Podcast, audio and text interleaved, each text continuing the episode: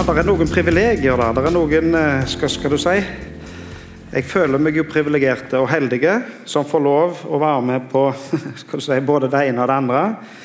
Eh, og gysla kjekt å være med konfirmantene. Jeg syns iallfall det er kjekt. Så håper jeg at dere syns det er kjekt òg. Vi skal ha et kjempekjekt år i lag. De fleste av dere som er her i dag, har helt sikkert på en eller annen måte lært de ti bud hørt om, eh, lærte på skolen, lærte konfirmasjonsundervisningen, eller på andre måter. At vi har, vi har lært oss, eller iallfall fått sitert og prøvd å lært oss de ti bud. Vi er vant med å, eh, å høre om, tenke på, sitere gjerne til og med eh, de ti bud. Hva er det første budet, hva er det sjuende budet, osv. Og I dag og dette semesteret så skal vi ha som tema de to bud. Altså ikke de ti bud, men de to bud. Eh, og Bakgrunnen for temaet vårt, eller formuleringen av dette temaet, er en, eh, en historie, en beretning i Det nye testamentet. Vi finner det faktisk i tre eh, bøker, altså tre evangelier. Evangeliet til Matteus, og Markus og Lukas. De forteller denne beretningen, alle tre. Og de forteller om Jesus som underviser og folk som blir forundra av å høre Jesus som underviser. For han underviser på en annen måte. Han underviser med myndighet. Han, eh, han, han, han er på en måte annerledes. Men så har han jo ingen formell utdannelse. Eh, han hadde ikke gått eh, i opplæring sånn som de skriftlærde, sånn som de lovlærde hadde, hadde gjort. Så de lurte jo på hvem han var. De lurte på hvor han hadde kunnskapen fra. Ehm, og vi skjønner jo at han som var Guds sønn, han eh, underviste med denne myndigheten fordi han var den han var. Han er den han er. Men de som hadde utdannelse og de som hadde posisjon i samfunnet, de prøvde eh, å sette Jesus til veggs. på en måte. Eh, de ville egentlig ta han rydda av veien. De, eh, de, var jo på en måte plassert i sine posisjoner, og så kom det en her som som ikke passet inn i deres eh, struktur. Og Så prøvde de å stille en spørsmål der, der, kunne, der, der, de kunne stille en vanskelige spørsmål, så når han svarte, så kunne han bli upopulær. Skulle si Nesten sånn som vi gjør med politikerne våre i dag. Stiller de vanskelige spørsmål om strømstøtte og you name it, og så, og så blir de gjerne upopulære hvis de svarer feil. De spurte Jesus sånne spørsmål, og de stilte han f.eks. spørsmål om skatt skal vi betale skatt. Eh, og det er klart at Du kan bli upopulær når du svarer på spørsmål om skatt. Jesus svarte, og Jesus svarte godt. De stilte spørsmål om hans myndighet. Hvilken posisjon har du, Jesus, til å gjøre det eh, du gjør? De spurte han om religiøse spørsmål, store spørsmål. Spurte han om livet til døden, f.eks. Og Jesus svarte. Folk ble forundra. Folk var forundra over eh, hvordan Jesus lærte dem, hvordan Jesus underviste. Og så har jeg tenkt Mon tro hva spørsmål jeg hadde stilt hvis jeg hadde fått stilt Jesus et spørsmål. Hvis jeg på en måte fikk muligheten til Jesus nå, nå kan jeg spørre deg om hva jeg vil. Hva spørsmål, hva spørsmål ville du stilt? Det står I denne beretningen som vi skal ha som tema denne høsten, så står det om en lovlærd der, som fikk denne muligheten. En som hadde studert loven. Eh, den loven som står i Det gamle testamentet. Eh, og han kunne nok denne loven utenat. Han diskuterte med sine eh, si, omgangsvenner, sine andre lovlærde, diskuterte nok denne loven daglig. Og de lovlærde, skriftlærde fariserene de hadde funnet ut at hvis de oppsummerer loven, så finner de 613 bud. ok, vi har ti bud. Jeg syns det er nok. Lovlærde på Jesus' sin tid, Gamle testamentet, jødene Israel, hadde funnet 613 bud som regulerte livet deres hver dag. Og Det var et sånn favorittdiskusjonstema og finne ut ja, men Når vi har 613 bud, hvordan kan vi kategorisere, hvordan kan vi oppsummere? Hvordan kan vi, hvordan kan vi på en måte gjøre dette litt lettere? da? 613 er ganske mye. Så det var for så vidt et, et, et favorittspørsmål. Eh, et favorittdiskusjonstema å finne ut hva som er det største, hva som er det viktigste budet. Og det er det den lovlærde spør Jesus om. Hva er det største budet i loven? Han kommer til Jesus og så spør han, Jesus, hva er det største budet i loven? Han hadde diskutert dette mange ganger. Han eh, visste hva han ville svart, og hva andre ville svart. Eh, og Så kommer han til Jesus med spørsmålet hva er det største budet i loven. Da står det i Markus 12, i Markus 12 fra vers 29 så står det at Jesus svarte. Det første budet er dette. Hør, Israel, Herren vår Gud, Herren er én. Du skal elske Herren i Gud av hele ditt hjerte, av hele din sjel, av hele ditt sinn og av all din kraft. Og forstand, står det òg i Matteus-teksten. Og det andre er dette. Du skal elske det neste som deg selv. Ikke noe annet bud er større enn disse. To bud. Du skal elske Herren din Gud av hele ditt hjerte, hele din sjel, hele ditt sinn, all din kraft og forstand. Andre bud, like stort. Du skal elske det neste som deg sjøl. I Matteus 22, når teksten eh, siteres der i vers 40, så sier Jesus på disse to budene hviler hele loven og profetene. Disse to budene er det viktigste. Det er oppsummeringen av hele loven. Elske Gud, elske din neste. Elske dine medmennesker. Og Den lovlærde, han som stilte spørsmålet, han var ganske godt fornøyd med svaret. Han, han sa seg enige og Han reflekterte videre, egentlig, hvis du leser teksten, så, så reflekterte han videre over Jesus' sitt svar og syntes at Jesus svarte godt. Og Jesus han lar seg faktisk imponere av denne lovlærde. Og Så sier Jesus til den lovlærde noe som er veldig interessant. I Markus 12 og vers 34 står det Da Jesus hørte hvor klokt han svarte, altså den lovlærde svarte, sa han til den skriftlærde Du er ikke langt borte fra Guds rike. Du er ikke langt borte fra Guds rike. Og ingen våget å spørre ham mer. Når Jesus svarer på, på spørsmålet, så henter han, henter han fram to sitater fra Gamle testamentet. Eh, og Han siterer først Israels trosbekjennelse jødene sin trosbekjennelse. Og jødene sin trosbekjennelse den er sånn Høyre Israel, Herren er vår Gud, Herren er én. Altså For å svare på spørsmålet så legger han først et fundament. Og så sier han Herren er vår Gud. Det er jødene sin trosbekjennelse. Det står i 5. Mosebok 6. Vi sa trosbekjennelsen vår her i dag. Og vår trosbekjennelse den er sånn Jeg tror på Gud Fader, himmelens og jordens skaper osv. Jeg tror på Jesus Kristus, jeg tror på Den hellige ånd. Jeg tror på.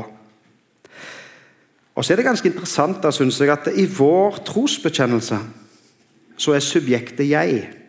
Altså det er jeg som tror. Det er jeg som er utgangspunktet. Nesten sagt som om det er avgjørende hva du tror. Altså, Du må ikke misforstå. Det er jo avgjørende for deg hva du tror. Men for å si det,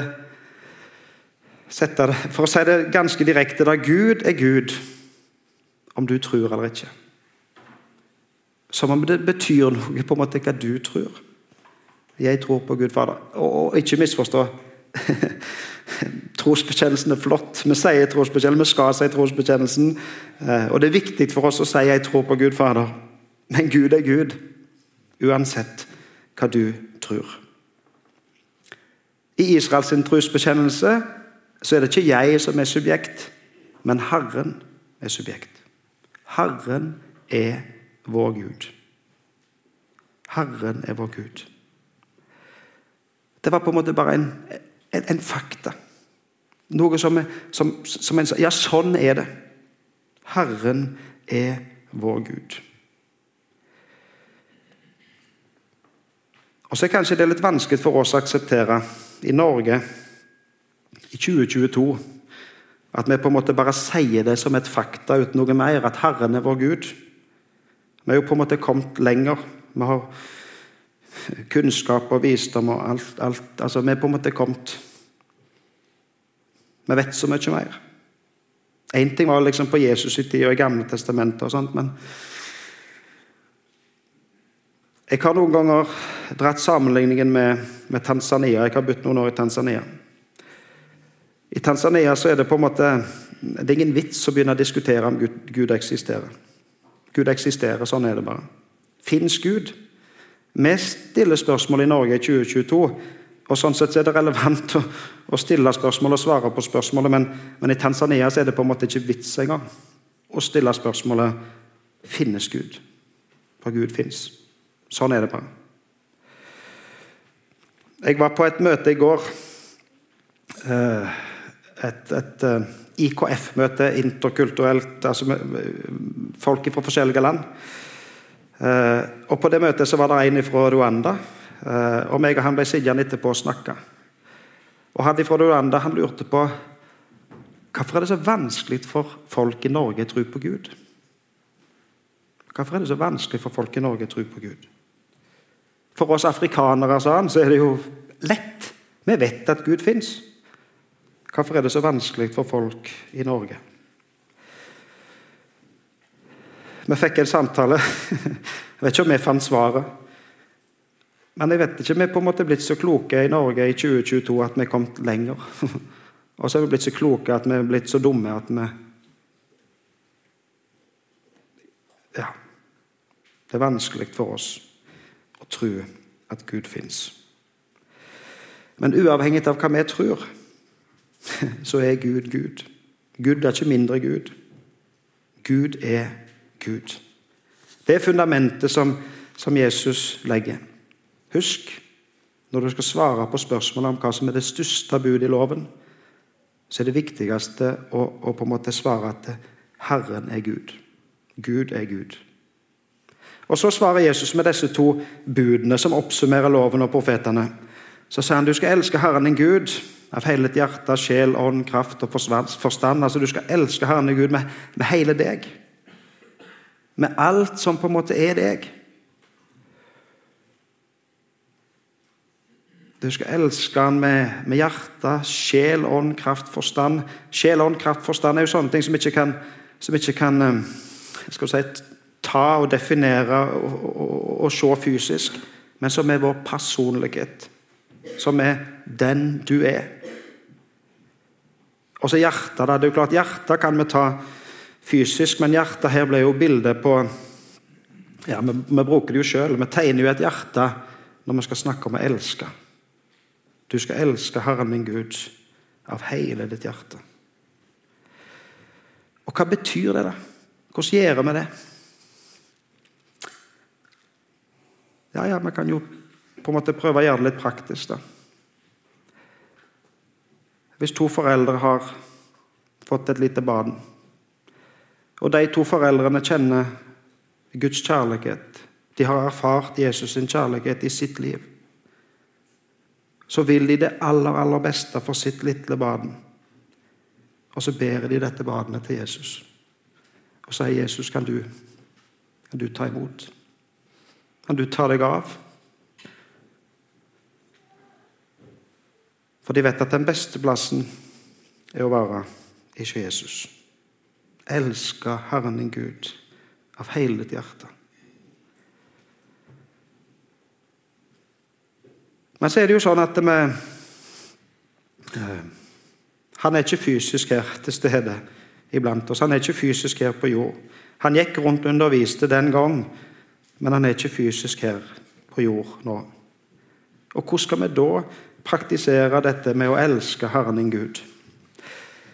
Når Bibelen beskriver dette forholdet mellom oss mennesker og Gud, og gir oss et bilde på Guds kjærlighet, så, så kaller han oss mennesker for sin brud. Han kaller oss for sin brud. Og det at han kaller oss for sin brud, sier oss noe om forholdet mellom Gud og oss mennesker. Om dette kjærlighetsforholdet mellom Gud og mennesker. Er det noen av dere, sikkert mange på Vea, som noen gang har vært vekke fra sin brud? Her er det mange sjømenn som helt sikkert har vært på sjøen og vært vekke fra sin, sin brud, sin ektefelle, sier det. Kanskje en av dere har vært på, på reise, eh, og dere har vært vekke.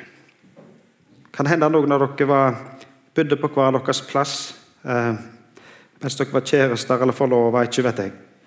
Og så har en vært vekke. En har ikke vært fysisk sammen. Jeg er et litt tåpelig eksempel, men, men jeg har vært Jeg har vært vekke fra min brud i to uker nå. Min, min, brud, min kone, Kjersti, for å si det rett ut, hun har vært på reis. Hun har vært på tur. Hun har vært i Kenya, eh, og der hadde hun det helt fantastisk. Men så er det noe underlig som skjer med meg når hun er på tur. For jeg blir på en sånn sykelig måte opptatt av, av, av og, og, på en måte skal du si, Av alt som kommer fra henne. Bare jeg får en eneste melding, bare det kommer en eneste oppdatering på Facebook Bare for å følge med. Hva, hva skjer? Hva, hva, opplever hun nå? Og så er det jo ikke så med hvem som helst at jeg føler med på alle, på helst, men jeg føler ekstra med på henne. Hva skjer nå? Hva opplever nå? Hvor er hun nå? Jeg er ikke der som hun er, men jeg har lyst til å følge med likevel. Jeg er så opptatt av hva som skjer. Jeg har sånne Google-foto, deler bilder og ting, og når hun er på internett, så oppdateres det. Og så er jeg inne og ser med en gang. Hva har hun gjort i dag? Og, ja, jeg vet om det blir for mye av det gode her, men jeg sjekker til og med flight-statusen på flyene hennes når hun er på fly. og I år var det kaos i Amsterdam, og det gikk fryktelig dårlig. Men jeg klarte å følge med likevel, for jeg har sånn 'Hvor er?'-app inne på på telefonen, så jeg klarer å se hva slags flyterminal og sånne ting hun er på. Men, men uansett Jesu brud, han som elsker oss. Du skal elske Herren din Gud. Opptatt av Han. Han er, han er faktisk sykelig opptatt av deg. Han er så opptatt av deg at han til og med teller hvor mange hår du har på hodet. Du skal elske Herren din Gud av hele ditt hjerte. Og du skal elske det neste som deg sjøl.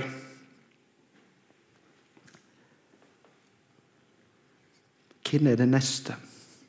Du skal elske det neste som deg sjøl. Mennesker rundt deg. Folk som Gud har gitt i ditt liv. Disse foreldrene som har fått et lite barn. Som elsker barnet sitt, og som vil det aller, aller beste for barnet sitt. Og så gjør de det beste de vet, og ber han til Jesus. Du skal elske det neste som deg sjøl. Elske dine nærmeste, andre mennesker, de rundt deg, de som Gud gir i din vei. Og så er det på en måte en, en ok teori, da. Til og med han her lovlærde som spurte Jesus spørsmålet, han syntes det var greit. Det var greit i teorien.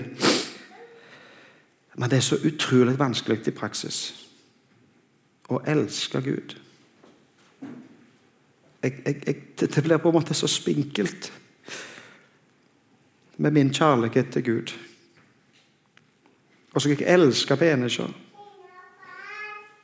Og så tar jeg en kikk rundt meg i denne verden, og så ser jeg at vi får det jo ikke til. Altså, Vi får det ikke til i det hele tatt. Vi er faktisk ufattelig dårlige til å elske mennesker i denne verden. Altså, Tenk om vi hadde klart det. Verden hadde jo blitt en fantastisk plass. Hvis vi hadde klart å levd opp til kun de to bud om å elske Gud og elske mennesker. Men så er det kaos og krig og vondt og vanskelig og sykdom og nød og død og alt i denne verden. Men vi kan jo på en måte ikke slå oss til ro med situasjonen sånn som den er.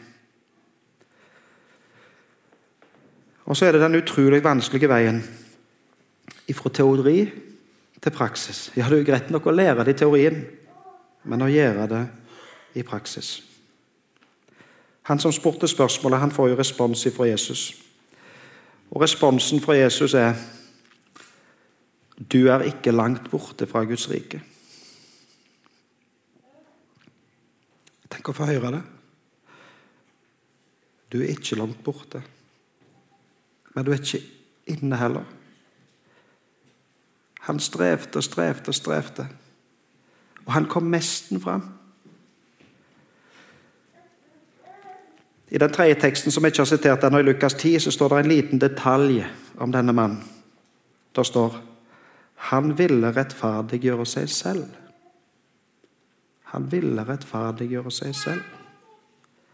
Han strevde og strevde og strevde for å oppfylle disse to budene. Han strevde for å oppfylle disse 613 budene. Og Han strevde sånn at han kom nesten fram.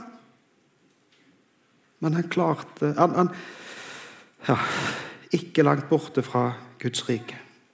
Tenk for et strev. For 500 år siden, vel det, i Tyskland, så levde det en mann, Martin Luther, som har hatt enormt mye å si for vår kristendomsforståelse i Norge og Europa. Og han strevde òg. Han strevde med loven. Han strevde med å oppfylle dette her og få det til. Hvis du leser om Martin Luther, så kan du lese at når han var en munk, så måtte han gå til skriftemål daglig.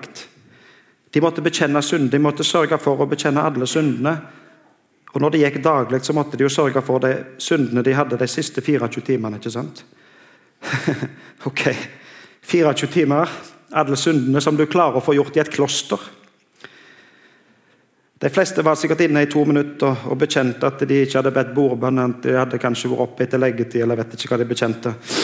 Eh, men Luther tok det utrolig seriøst.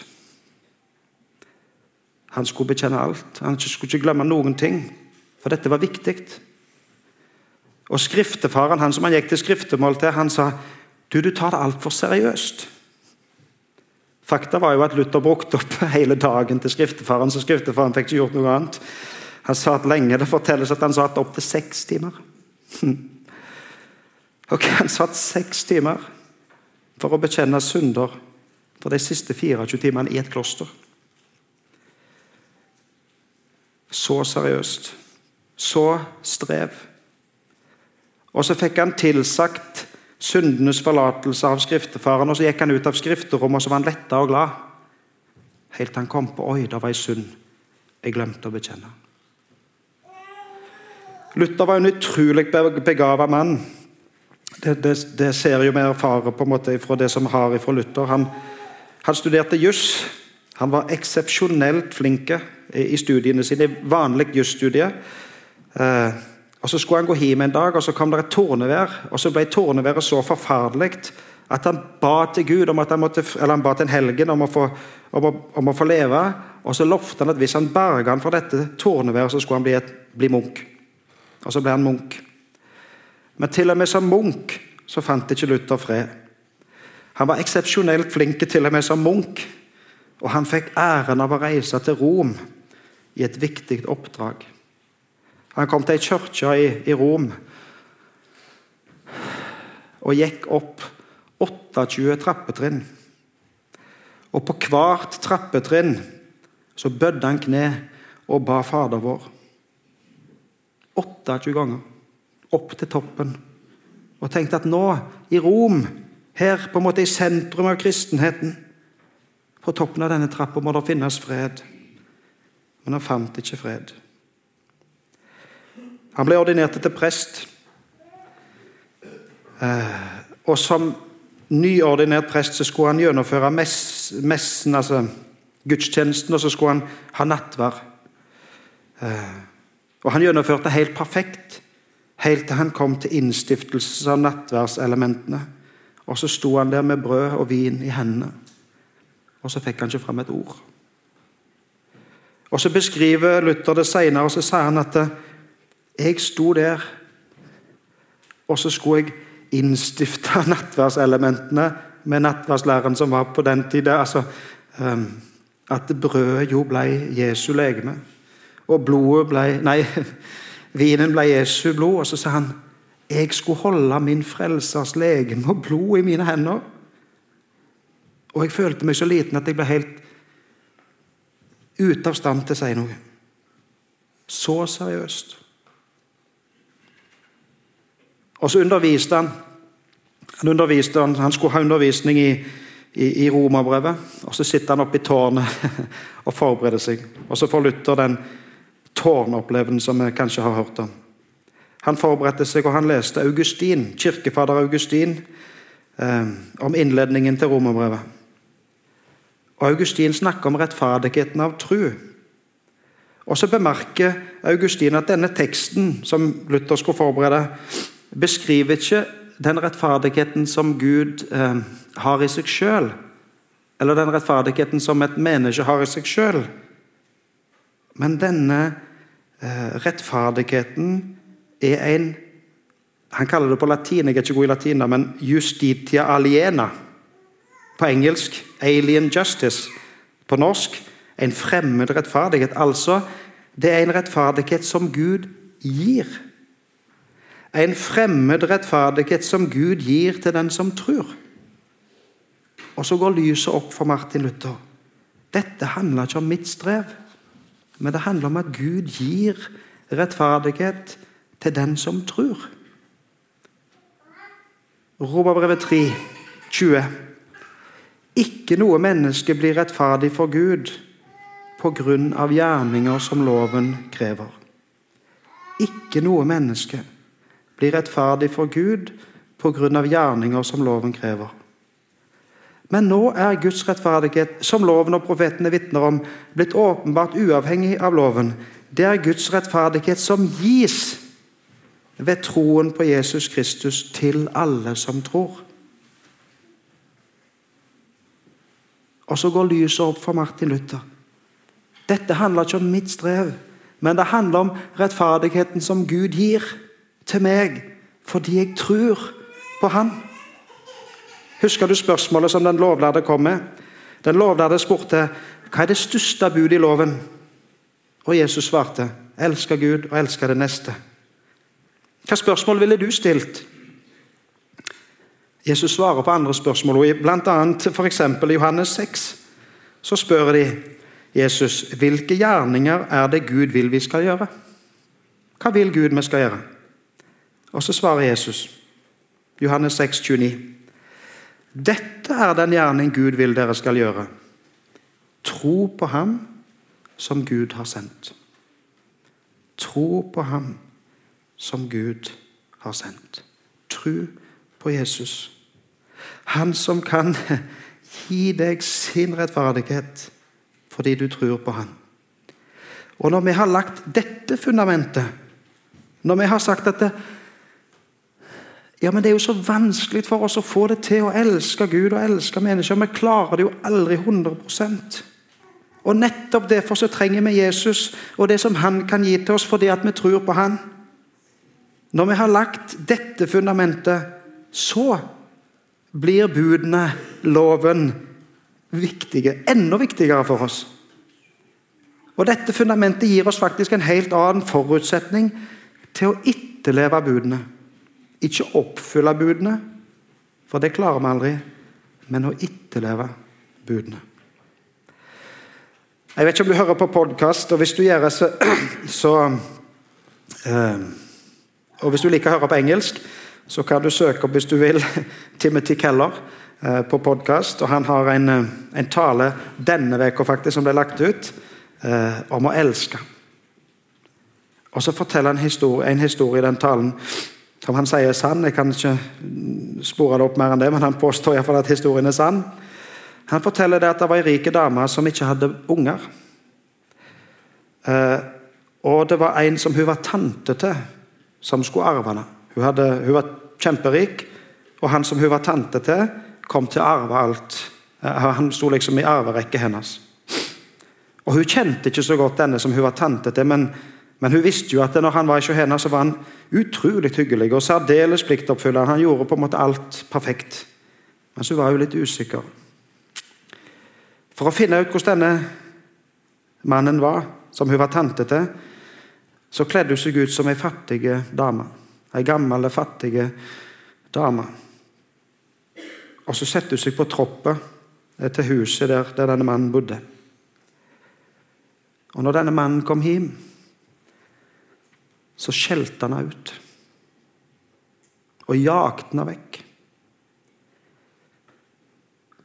Så fant denne dama ut hvordan mannen egentlig var. Å elske Gud må aldri bli noe som vi gjør for å oppnå fortjeneste. Å elske Gud må alltid ha sitt utgangspunkt i at Han har elsket oss. Altså, Han elsker oss så høyt at Han gav seg sjøl til oss, til vår frelse. Han gav sitt liv. Og han har oppfylt loven for oss og gjort oss rettferdige. Og meg og du, vi kan ikke annet enn å elske han igjen. Og så føler jeg at det er skrøpelige greier med min kjærlighet. Jeg får det ikke til. Jeg skulle ønske jeg var så mye bedre. Men hans uendelige kjærlighet til meg bidrar på en måte til å sette meg litt i stand til å elske han og elske andre mennesker. Herren er vår Gud. Du skal elske Gud av hele ditt hjerte og det neste som deg sjøl. La meg be. Kjære Jesus. Takk for ordet ditt til oss.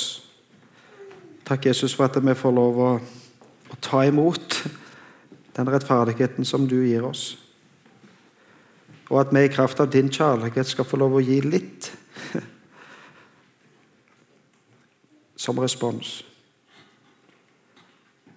Jesus, takk at vi får lov å samles her og får lov å lovsynge deg.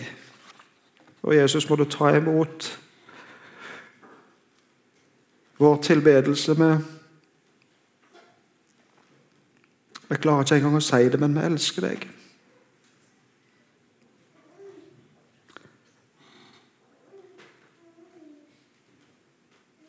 Jesus, må du gjøre oss i stand til å elske hverandre, være, ha omsorg for hverandre. Jesus, hjelp oss å ha omsorg for disse to som vi fikk ta imot til dåp i dag. Hjelp oss å være gode imot konfirmantene våre som vi får lov å ha her. Hjelp oss å være gode med hverandre, med venner, med naboer. Jesus, hjelp oss å vise litt av din omsorg ut til en verden i kaos.